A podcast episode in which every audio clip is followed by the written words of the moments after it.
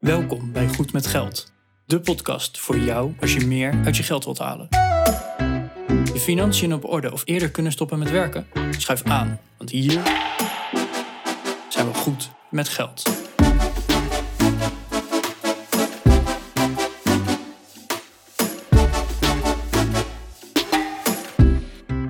Aflevering 109 van de Goed met Geld podcast.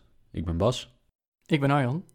En wij gaan vandaag een aflevering opnemen over het aantrekken van investeringen en het, eh, het uitgeven van aandelen. Het is een combinatie eigenlijk van twee vragen van luisteraars. Job die vroeg van eh, hoe, eh, hoe kunnen bedrijven investeringen aantrekken of kapitaal aantrekken. En luisteraar Ino vroeg ons ja, hoeveel aandelen heeft een bedrijf uitstaan hoe, hoe kan je dat zien? En wat gebeurt er als een bedrijf aandelen wil bijdrukken of, of een aandelenemissie wil doen, zoals de technische term is? Dus daar gaan we het vandaag over hebben. Ja, want als jij als eh, privépersoon aan geld wil komen, hè, dus gewoon eh, een huis wil kopen en daar geld voor nodig hebt, ja, dan ga je naar de bank en dan sluit je een hypotheek af of een lening en dan hè, de, de bank die controleert hoeveel verdien jij, hoeveel heb je al aan leningen uitstaan. Nou, en daar komt dus een, een mogelijk leenbedrag uit. Maar bij bedrijven werkt dat echt wel wat anders, want ja, dan, eh, je kan, je kan een lening uitzetten, maar je kan ook weer een deel van je bedrijf verkopen en met dat geld wel weer verder gaan investeren. Dus juist omdat het voor bedrijven zodanig anders werkt en omdat wij eigenlijk ook wel zeggen van ja, de, de spaarrekening levert niet zoveel op. Dus wij zitten zelf bijvoorbeeld in aandelen en bijvoorbeeld in crowdlending en al dat soort dingen. Maar dan is het wel goed om ook eens te weten hoe dat nou werkt. Want je kan wel zeggen, hey, ga lekker aandelen kopen. Maar ja, als je nou niet weet hoe de, de, techniek daarachter nou werkt, ja, dan kan je wel een aandeel kopen. Maar of dat nou handig is, weet ik ook niet. Ja, wij kijken nu eigenlijk een beetje naar de, naar de techniek aan de andere kant van de tafel. Eh, Arjan en ik zitten als privépersonen met ja, onze beleggingen in, in aandelen, in obligaties en in crowdlending. Eh, en voor ons zijn dat gewoon eh, privé-investeringen die rendement opleveren in, in verschillende vormen. Maar hoe werkt het nou aan de andere kant van de tafel? Hè? Als wij nou aandelen in een bedrijf kopen, hoe werkt dat dan voor dat bedrijf? Of als wij nou geld uitlenen aan een bedrijf middels obligaties of middels crowdlending, hoe werkt dat dan voor dat bedrijf? In de basis heeft een bedrijf twee vormen van kapitaal. Dat is eigen vermogen en vreemd vermogen. Eigen vermogen, dat is het eh, ingebrachte kapitaal door de eigenaren. En dat betekent dus dat dat het vermogen van de aandeelhouders is. Stel dat eh, je een bedrijf wilt oprichten met, eh, met, met z'n tweeën en je stort ieders 5000 euro in, eh, in het bedrijf, dan heb je 10.000 euro aan eigen vermogen in het bedrijf zitten. Op het moment dat een bedrijf winst maakt, groeit het eigen vermogen. Op het moment dat een bedrijf verlies maakt, daalt het eigen vermogen. Maar dat is dus ja, de, de waarde van het bedrijf voor de eigenaren. Zo moet je het een beetje zien. Daarnaast heeft een bedrijf vreemd vermogen. Mogelijk. De meeste bedrijven hebben vreemd vermogen. En vreemd vermogen is vermogen dat niet van de eigenaren komt. Dat kan dus zijn dat je een lening hebt genomen bij een bank. Of dat je via crowdlending aan, eh, ja, bij particulieren geld hebt opgehaald. En dat is dus geld dat wel in jouw bedrijf zit. Je kan misschien een ton op de bank hebben staan en die heb je geleend bij de bank. Dan heb je een ton aan vreemd vermogen. Dus op het moment dat jij als bedrijf zijnde geld wil ophalen, omdat je wil eh, investeren in groei, omdat je een, een, nieuwe, ik veel, een nieuwe fabriek gaat openen en je hebt geld nodig. Of omdat je mensen wil gaan aannemen waar je geld voor nodig hebt. En dat heb je misschien niet op de bank staan. Dan, dan ga je kijken van hoe kan ik dat dan toch gaan financieren. Ja, dan zijn er dus twee vormen. Je kan eh, met eigen vermogen gaan financieren. Dat betekent dat eh, de eigenaren geld gaan eh, bijstorten. Of dat we meer aandelen gaan uitgeven misschien. En via vreemd vermogen. We gaan gewoon geld lenen van iemand. Van een bank, van crowdlending enzovoorts. En eigenlijk hoe dan ook, het gaat er gewoon om dat er euro's, dollars, Japanse yennen, weet ik het wat, op de bankrekening komen, zodat je daar weer wat mee kan gaan doen. Want of je nou een lening bij een, bij een bank neemt, of bij, bij crowdlenders of noem maar op, of dat je extra aandelen gaat verkopen, het gaat er hoe dan ook om dat er, dat er weer ja, liquide middelen komen, zodat je inderdaad die nieuwe fabriek kan openen. Of dat je zegt van nou, hey, die machine is aan vervanging toe, maar ja, het staat niet op de bank. Nou, hoe, hoe kunnen we dan uiteindelijk toch die nieuwe machine gaan kopen? En dat is dus het belangrijkste. Het gaat er altijd eigenlijk om eh, dat er extra geld binnenkomt. Ja, nou, de, vraag kan natuurlijk zijn van... Ga ik aandelen uitgeven of ga ik een lening nemen? Of ga ik niet aandelen uitgeven, maar misschien aandelen uitgeven of een deel van mijn aandelen verkopen? Stel dat ik eh, de oprichter en enige eigenaar in een bedrijf ben. Dan heb ik 100% van de aandelen van dat bedrijf. en ik wil iemand gaan aannemen om eh, te gaan groeien. Dan ben ik nog steeds 100% eigenaar. Hè? Dat ik iemand aanneem, dat maakt natuurlijk niet zoveel uit. Maar misschien heb ik dat geld niet op de bank staan om dat salaris van die persoon te kunnen betalen. Dan zou ik naar Arjan kunnen gaan en zeggen: Arjan, ik heb 100.000 euro nodig om, eh, om, om mijn bedrijf te laten groeien. Wil jij, wil jij dat financieren voor mij? Wil jij uh, daarin meedoen? En dan kan het zijn dat Arjan zegt: van, Ja, je kan voor mij een ton lenen en dan moet je rente overbetalen. Het kan ook zijn dat ik zeg: Ik verkoop een deel van mijn bedrijf aan Arjan voor een ton. Misschien verkoop ik dan de helft van mijn bedrijf. Dan krijg ik uh, 100.000 euro op de bank van Arjan. Hij krijgt de helft van de aandelen. En met dat geld kan ik dan iemand aannemen, het bedrijf laten groeien. En als ik het goed doe, dan wordt het bedrijf voor Arjan en mij meer waard. Ja, en wat dan even goed is om, om hierbij aan te geven, ik krijg dan 50% van de aandelen. Dus de helft. En als Bas ooit bij de, de oprichting van zijn bedrijf is begonnen van... joh, ik uh, begin een bedrijf en uh, dat zijn 10 aandelen. Dat is het hele bedrijf. Nou, dan koop ik dus voor 100.000 euro koop ik 5 aandelen. Maar het kan ook zijn dat Bas heeft gezegd van... nou, ik verwacht dat er nogal wat verschillende mensen eigenaar gaan worden... en hè, dat het op de beurs misschien wel een keer verhandeld gaat worden. Ik begin met 10 miljoen aandelen. Dan krijg ik voor diezelfde 100.000 krijg ik 5 miljoen van de aandelen het, het aantal aandelen, dat bepaal je dus eigenlijk bij de oprichting al van dat bedrijf. En of dat er dan 10 zijn, of dat het er één is, hè, dat kan ook. Want dan heb je gewoon één aandeel en dat is 100% van het bedrijf. Het is niet handig, maar het kan. Uh, dat kunnen er 10 zijn, maar dat kunnen er ook 10 miljoen zijn. Als je nou een heel klein bedrijf begint en je denkt van nou, we blijven klein, weinig aandeelhouders, noem maar op. Ja, dan heb je er niet zoveel nodig. Maar als je zegt van hé, ik word de nieuwe Volkswagen, of de nieuwe Tesla, of de nieuwe Apple ja, dan is het niet handig als je maar duizend aandelen hebt. Uh, want hè, dan heb je uiteindelijk maximaal duizend eigenaren die allemaal één aandeel hebben. Het aantal aandelen dat je hebt in een bedrijf maakt dus niet uit. Dat zegt helemaal niks over de waarde van die aandelen. dus, dus de vraag die dan heel snel gesteld wordt is... oké, ik, ik weet wat een uh, aandeel kost op de beurs. dus voor het bedrijf van Bas weten we dat niet. Want het bedrijf van Bas is niet beursgenoteerd. Maar voor Apple bijvoorbeeld weten we dat wel. Apple is beursgenoteerd en... Um, ik kijk zelf altijd even bij Yahoo Finance. Terwijl we dit aan het opnemen zijn, zit ik even bij Google in te typen. Yahoo Finance AAPL. Dat is de ticker van Apple. Dan klik ik op het linkje en dan vind ik dat een aandeel Apple 134 dollar waard is ongeveer. 133 nog wat. En dan weet ik dus wat één aandeel kost. Maar ja, misschien heb ik al één aandeel of misschien heb ik wel tien uh, enzovoorts. Hoeveel aandelen staan er nou uit? Hoeveel is Apple nou waard? Nou, ik zie hier op de eerste sheet dat Apple 2200 miljard dollar waard is. Oneindig veel geld is dat. Maar laten we eens even verder klikken naar de statistics. En daar vinden we denk ik hoeveel aandelen eruit staan. Ja, daar zien we dat uh, onder de share statistics dat er 16,8 miljard aandelen uitstaan. Dus Apple, het, het, bedrijf Apple is niet verdeeld in 10 aandelen, maar in 16,8 miljard aandelen. En daar kan jij één stukje van kopen. En dan bezit jij wow. dus één, één 16,8 miljardste van dat bedrijf. Ja, dus dan heb je uh, recht op één 16,8 miljardste deel van de winst. En dan ja, ja dat, uh, dat is echt een, een fractie van een fractie. Maar ja, het is wel een stukje Apple. Maar je ziet, je ziet wel dat je dan bij dit soort super waardevolle bedrijven, uh, dat, dat zij vaak heel veel aandelen hebben uitstaan. Om dan zijn ze makkelijker verhandelbaar. Stel dat Apple maar uh, duizend aandelen had gehad, ja, dan, dan had je een, een, weet ik veel, 2 miljard euro moeten betalen voor zijn aandeel. Dat, dat schiet natuurlijk niet op. Nee. Gaat niet werken. Dus dan, dan is de verhandelbaarheid helemaal weg. Dus vandaar dat je ziet dat ze vaak heel veel aandelen uit hebben staan. Ja, en over die verhandelbaarheid, en dat is uh, recent voorgekomen, uh, willen ze nog wel eens een aandeel splitten. Want op het moment dat zo'n aandeel echt knijten duur is, ja, de, hè, uh, Tesla, dat kostte bijvoorbeeld laatst, ik geloof 2000 dollar, zoiets. Mm -hmm. Ja, en dat, dat is voor de gewone man, is dat best wel wat geld om dan een aandeeltje Tesla te kunnen kopen. Mm -hmm. Dus nou, wat hebben ze toen met Tesla gedaan? Die hebben gezegd, oké, okay, we, we gaan die aandelen splitsen. Dus en ik geloof dat dat 1 op 4 was. Dus voor elk aandeel Tesla wat je op dat moment bezit, krijg je er 4 voor terug. En op die manier is dat de, de prijs van zo'n aandeel is dan ook opeens nog maar een vierde. Maar je hebt wel vier keer dat aandeel. Dus vier keer een vierde maakt uiteindelijk één. Dus het, het kost je niks extra.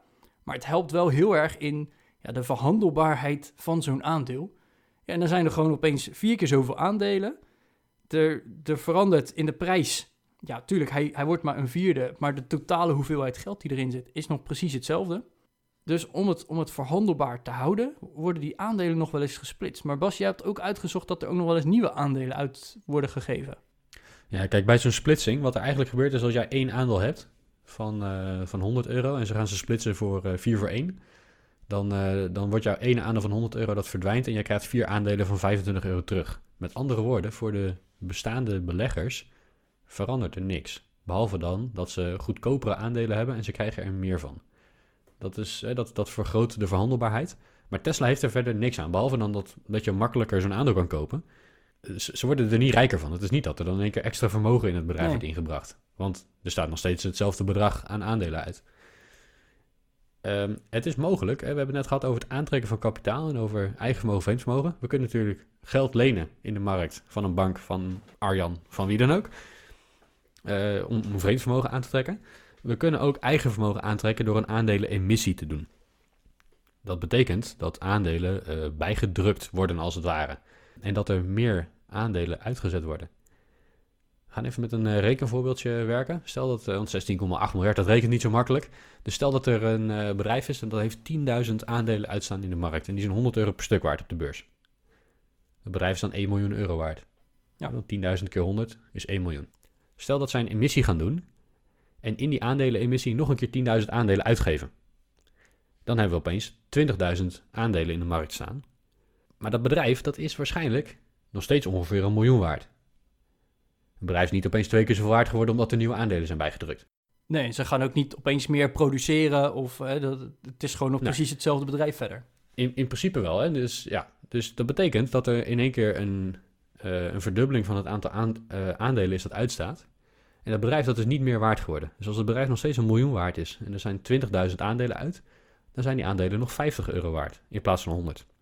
Nou, bestaande aandeelhouders vinden dat niet grappig. Nee, want eigenlijk de helft van je geld wordt afgepakt. Ja, hun vermogen gaat gewoon door, de, of hun vermogen, maar hun vermogen, hun, hun belegging in dat bedrijf gaat ineens door de helft. Dat, ja. uh, dat is natuurlijk niet leuk. Ik wil hier wel de kanttekening bij plaatsen. Een aandelenemissie gaat vaak niet over een verdubbeling van het aantal aandelen. Hè, dus, dus dat valt vaak wel mee. Uh, maar alsnog, het, de waarde van je bestaande aandelen verwatert. Op het moment dat je meer aandelen gaat uitgeven, verwatert het vermogen van de bestaande aandeelhouders. En die vinden dat dus niet altijd leuk. Toch kan het zijn dat bestaande aandeelhouders wel gebaat zijn bij een, uh, een emissie. Want het is namelijk een hele. Ja, het, het, is gewoon een manier om, om kapitaal op te halen. Waarmee het bedrijf misschien wel weer verder kan groeien. Dus stel dat wij. Uh, eh, nogmaals, die verdubbeling van de aandelen, dat is totaal niet realistisch. Maar voor het rekenvoorbeeld is het wel makkelijk. Stel dat wij van die 10.000 aandelen er nog een keer 10.000 gaan uitgeven. Dan zijn alle aandelen ineens nog maar 50 euro waard. Maar als het geld dat ik daarmee als bedrijf ophaal uh, mij de mogelijkheid geeft om in groei te investeren. Dus ik kan een nieuwe fabriek openen of een nieuwe verkooplocatie of weet ik veel iets. Ik ga iets doen met dat geld om, om, om te groeien. Dan kan het zijn dat mijn bedrijf daardoor zoveel meer waard wordt dat alle aandelen meer dan 100 euro waard zijn. Dat zou kunnen. En dan zijn de bestaande aandeelhouders er dus wel bij gebaat om zo'n emissie goed te keuren. Dus een aandelenemissie, uh, het kan. Er zitten best wel wat haken en ogen aan, met name op juridisch vlak en op het gebied van uh, financiële toezichthouders. Zeker voor beursgenoteerde bedrijven. Ja, je, je, kunt een aandelenemissie doen, maar daar moet, je, ja, daar moet je heel fors over rapporteren en toestemming vragen enzovoort. Maar het kan een manier zijn om, uh, om eigen vermogen op te halen in de markt. Ja, dus dit is misschien wel de minst populaire manier. Nou, dat weet ik. Nou, minst populair weet ik niet, maar het is, het is een ik, manier. Ik, ik kan het ja. me zo indenken, hè, want aan de ene, je hebt dus, je kan een lening nemen, dus nou, dan uh, krijg je 100.000 euro, daar betaal je rente over en dan ben je klaar. Dat moet je weer aflossen. Ja. Je kan een deel van je eigen aandelen verkopen, dus de totale waarde van het bedrijf blijft gelijk, maar het, ook het aantal aandelen blijft gelijk. Dus hè, de, de waarde per aandeel blijft gelijk, of je geeft nieuwe aandelen uit. Ja. En daardoor wordt de waarde van elk aandeel een klein beetje minder. Dus ik, ik kan me zo voorstellen dat dat ergens niet de meest populair is. Heb, uh, hebben we toevallig ook een voorbeeld van uh, welk bedrijf dat nog recent heeft gedaan? Of is er een bedrijf waarvan we weten van hé, hey, die, die heeft dat toen ooit een keer gedaan? Ja, eind 2020 heeft uh, het Nederlandse bedrijf Fugro aangekondigd om een, een aandelenemissie te gaan doen. Met als reden dat ze de kapitaalpositie willen versterken. het doel is dat ze 250 miljoen euro ophalen met deze emissie. Um, en dat, dat gaat via twee verschillende dat is een, soort tweetrapsraket die ze aangaan. Daar gaan we verder niet op in, dat is heel technisch. Ja. Ehm, maar ze gaan in ieder geval een aandelenemissie doen om 250 miljoen euro op te halen. En dat geld gaan ze dan gebruiken om een, ehm, om een bestaande obligatie af te lossen. Dat is een obligatie die in 2021 afloopt. Uh, die willen ze daarmee aflossen. En daarbij, wat ze dus eigenlijk in feite doen, is dat ze een stuk eigen vermogen gaan aantrekken om vreemd vermogen af te lossen. En daarmee wordt hun, um, ja, hun schuldenratio kleiner. Met andere woorden, er zit meer eigen vermogen, minder vreemd vermogen op de balans. Ja, dat maakt, dat maakt de, de vermogenspositie wat sterker misschien. Ja, ja en kijk, zo'n aandelenemissie, dat, het, het, klinkt natuurlijk niet heel aantrekkelijk voor, voor aandeelhouders. Maar stel Bas, wij, uh, wij gaan onze Goed met Geld podcast een, uh, in een BV stoppen. En we zeggen van, joh, in het begin beginnen wij gewoon met uh, eh, 100 aandelen. Jij krijgt er 50, ik krijg er 50. Mm en op een gegeven moment zeggen we van ja, maar dat hebben we gewoon niet slim gedaan. We willen naar de beurs. We knallen er gewoon, weet ik het, hoeveel aandelen bij. Omdat wij dan de enige twee eigenaren zijn, maakt het dan ook niet zo heel veel uit. Want hè, dan, dan krijg je gewoon veel meer aandelen. En omdat je zelf de aandeelhouder bent met z'n tweeën, maakt dat dan niet zo heel veel uit. I like the way you think. Dat we de Goed met Geld podcast zo groot krijgen dat hij naar de beurs kan. Dat is wel een... Uh... ja, ik, ik, vind op zijn minst dat we het moeten franchisen naar, naar andere landen toe en zo. Dat uh, uiteraard, klinkt, uiteraard. klinkt heel tof. Maar hè, om, omdat, het dan, omdat wij alleen nog de eigenaren zijn, maakt het dan niet zo heel veel uit. Want hè, je, uiteindelijk zijn wij nog steeds de eigenaar. Dus dat, hè, uiteindelijk maakt het niet uit. Toch? Nou, in in principe niet. Stel, um, even los van eh, of je naar de beurs gaat of niet. Stel, je hebt een bedrijf en uh, je hebt allebei 50 aandelen van de 100. Uh, en je gaat nog een emissie doen van nog een keer 100 aandelen. En je hebt er dan als, als beide oprichter, eigenaren, heb je 100 van de 200 aandelen. Nee, dan, dan maakt het helemaal niks uit. Maar is dat dan een emissie? Dat is misschien geen emissie, maar gewoon een stoksplit. Ja, ik, weet het, ik weet het eigenlijk niet precies. Ik denk ook niet dat dit per se heel vaak voorkomt. Um, ik, ik, denk dat die emissies met name voorkomen in, uh, op de beurs verhandelde bedrijven. Om, uh, gewoon als manier om eigen vermogen aan te trekken. Ja, Bas, ik moet dan wel nog even denken, nu we een beetje richting het einde van de aflevering gaan, van ja, dan, uh, dan zit ik wel eens tv te kijken naar zo'n Shark Tank of Dragon's Den. En dan heb je van die durf-investeerders die voor een x percentage van de aandelen, dan stoppen ze er een smak geld in. En dan denk ik wel eens van ja, dan heb je dus een, een bedrijf dan ben je 100% eigenaar. En dan, dan heb je de keuze van, oké, of tenminste, je hebt gewoon geld nodig, hè, want je wil een investering doen of je wil personeel aannemen, noem maar op. En dan heb je dus de keuze of ik ga een lening aan, hè, dan krijg ik een smak geld en dat moet ik terugbetalen met rente. Of ik ga aandelen uitgeven. Dus ik, ik verkoop een, een stukje van mijn bedrijf, van mijn kindje, hè, waar je keihard voor hebt gewerkt. Dat verkoop je. En iemand anders wordt dus mede-eigenaar. Wat, dat, dat lijkt me dan zo'n moeilijke keuze. Van ja, waar ga je nou voor? Want de een heeft verplichtingen, de ander dan verkoop je er een stukje van, dan krijg je het weer niet terug. Hoe, en, hè, hoe zit bijvoorbeeld ook met aandelen terugkopen? Dat, dat is ook nog zo'n zo'n gek iets. Wat, wat zou de overweging voor een bedrijf nou zijn tussen het uitgeven van bijvoorbeeld obligaties of het aangaan van een lening en het verkopen van aandelen? Ja, Kijk, in, in de regel zou je zeggen, als jij je nou zelf als oprichter heilig gelooft dat jouw bedrijf heel veel meer waard gaat worden, waarom zou je dan een deel van je bedrijf verkopen en niet dat geld lenen? En het, dat zit hem in een stukje risico afdekken. Op het moment dat jij je aandelen aan een uh, investeerder verkoopt, even dat voorbeeld weer, ik verkoop de helft van mijn bedrijf aan Arjan, dan loop ik geen risico. Ja, het enige, wat, het enige wat er gebeurt is dat ik nog maar de helft van de winst uit het bedrijf krijg. Maar ja, als dat het is, dat, dat maakt niet uit. Dat is voor mij geen risico waarop ik failliet kan gaan, bijvoorbeeld. Stel dat ik een lening aanga voor die ton, dan moet ik rente gaan betalen over die ton. Hoe dan ook, dat is een vast gegeven. Dat zijn gewoon extra kosten die ik in mijn bedrijf krijg. Dus dat is een risico wat ik daarmee neem. Uh, stel dat die ton, die, die investering die ik ga doen in groei, niet, uh, niet genoeg gaat opbrengen, dan zit ik nog steeds in die lening vast. Dan moet ik uh, waarschijnlijk een heleboel rente over betalen als beginnend ondernemer. Ik moet die ton ooit een keer gaan teruggeven.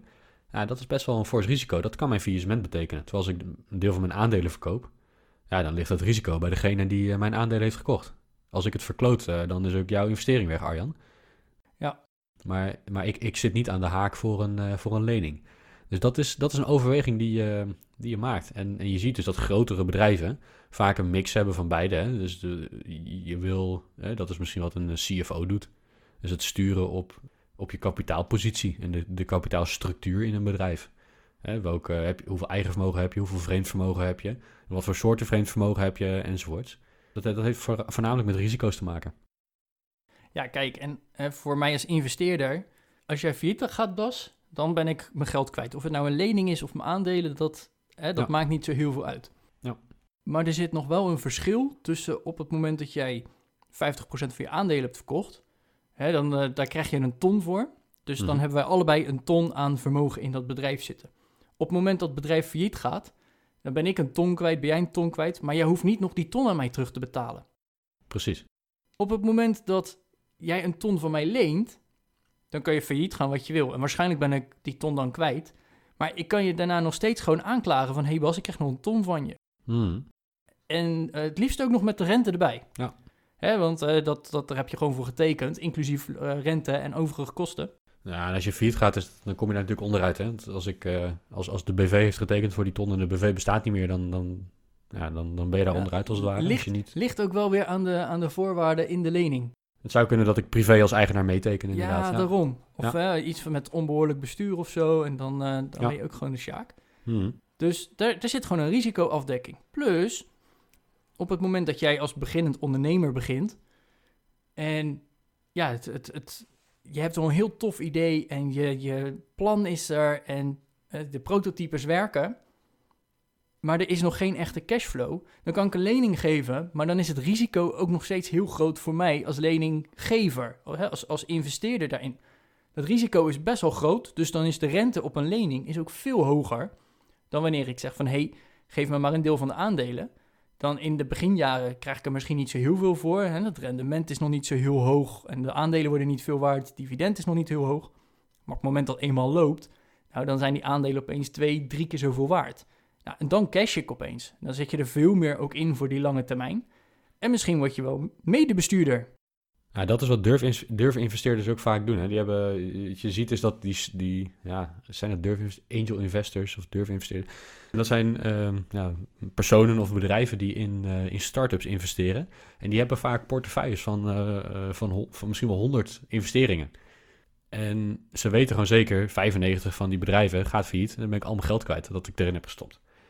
Maar die vijf die het wel maken, ja, die worden misschien wel zo groot dat ik daarmee duizend keer mijn inleg terugkrijg. Of tienduizend keer, of, weet ik wat allemaal. Dat, dat is waar zij, uh, waar zij op hopen. Ja. Terwijl als jij naar de bank gaat voor een lening, ja, de, de bank weet gewoon, eh, die lening die komt wel terug.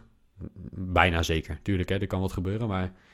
Ja, dus, dus het is... eigen vermogen versus vreemd vermogen is, is een uh, afdekking van risico. Als ik mijn aandelen verkoop, loop ik in principe geen risico erop, maar weet ik zeker dat ik minder winst krijg in de toekomst. Als ik failliet ga, ja, dan heb ik in ieder geval niet die lening die nog uh, eraan hangt.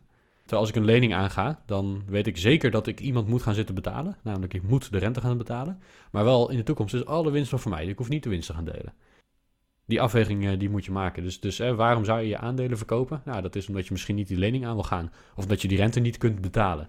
maar als ik met jou afspreek, Arjan, van ik heb die ton van jou nodig... en daarna krijg je drie jaar lang geen dividend van mij...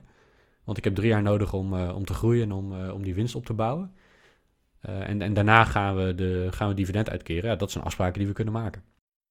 Ja, ik vind het nog steeds heel interessant hoe, hoe dat in het bedrijfsleven werkt. Natuurlijk, dit zijn alleen maar de basics. Hè, was dat, welke verdere vormen en manieren om kapitaal aan te trekken er nog meer zijn in het bedrijfsleven. Ja, dat, dat is weer heel anders. En dat, daar zijn er nog veel meer van. Maar ik denk dat we zo aan onze luisteraar wel een, een goed idee hebben gegeven van oké, als je nou een aandeel koopt, eh, wat, wat koop je dan? Uh, wat is de overweging voor het bedrijf daarin? Waarom verkoopt een bedrijf nou een deel van het bedrijf? Of waarom hebben ze ervoor gekozen om voor een lening te gaan in plaats voor een deel van zichzelf te verkopen? Dus, en ik, ik denk dat het ook echt wel een toegevoegde waarde is op het moment dat je gaat crowdlenden of dat je aandelen gaat kopen. Dat je ook weet van oké, wat, wat voor overweging zou zo'n bedrijf nou gemaakt hebben?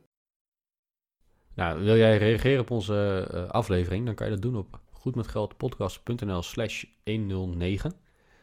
Uh, daar vind je de show notes, maar kan je ook een berichtje achterlaten. Uh, je kunt ons ook een, uh, een mailtje sturen via goedmetgeldpodcast.nl slash contact. en als je ons verder wil helpen, abonneer je dan op Spotify of laat een rating achter op Apple Podcast. En als je nog een keer wat bij bol.com eh, koopt, doe dat dan via goedmetgeldpodcast.nl slash bol. Dan eh, worden we er allebei een beetje wijzer van. Ja, en zit je nou te luisteren en heb je net zoals Job of Ino ook een vraag? Ja, eh, mail hem dan. Want dan kunnen wij hem misschien wel behandelen en zeggen we van... Oh, dat is een, een goed onderwerp, daar, daar weten we wat van. Of dat kunnen we uitzoeken voor je. En dan maken we er gewoon een hele aflevering van. En dat gezegd hebbende, tot volgende week. Tot volgende week.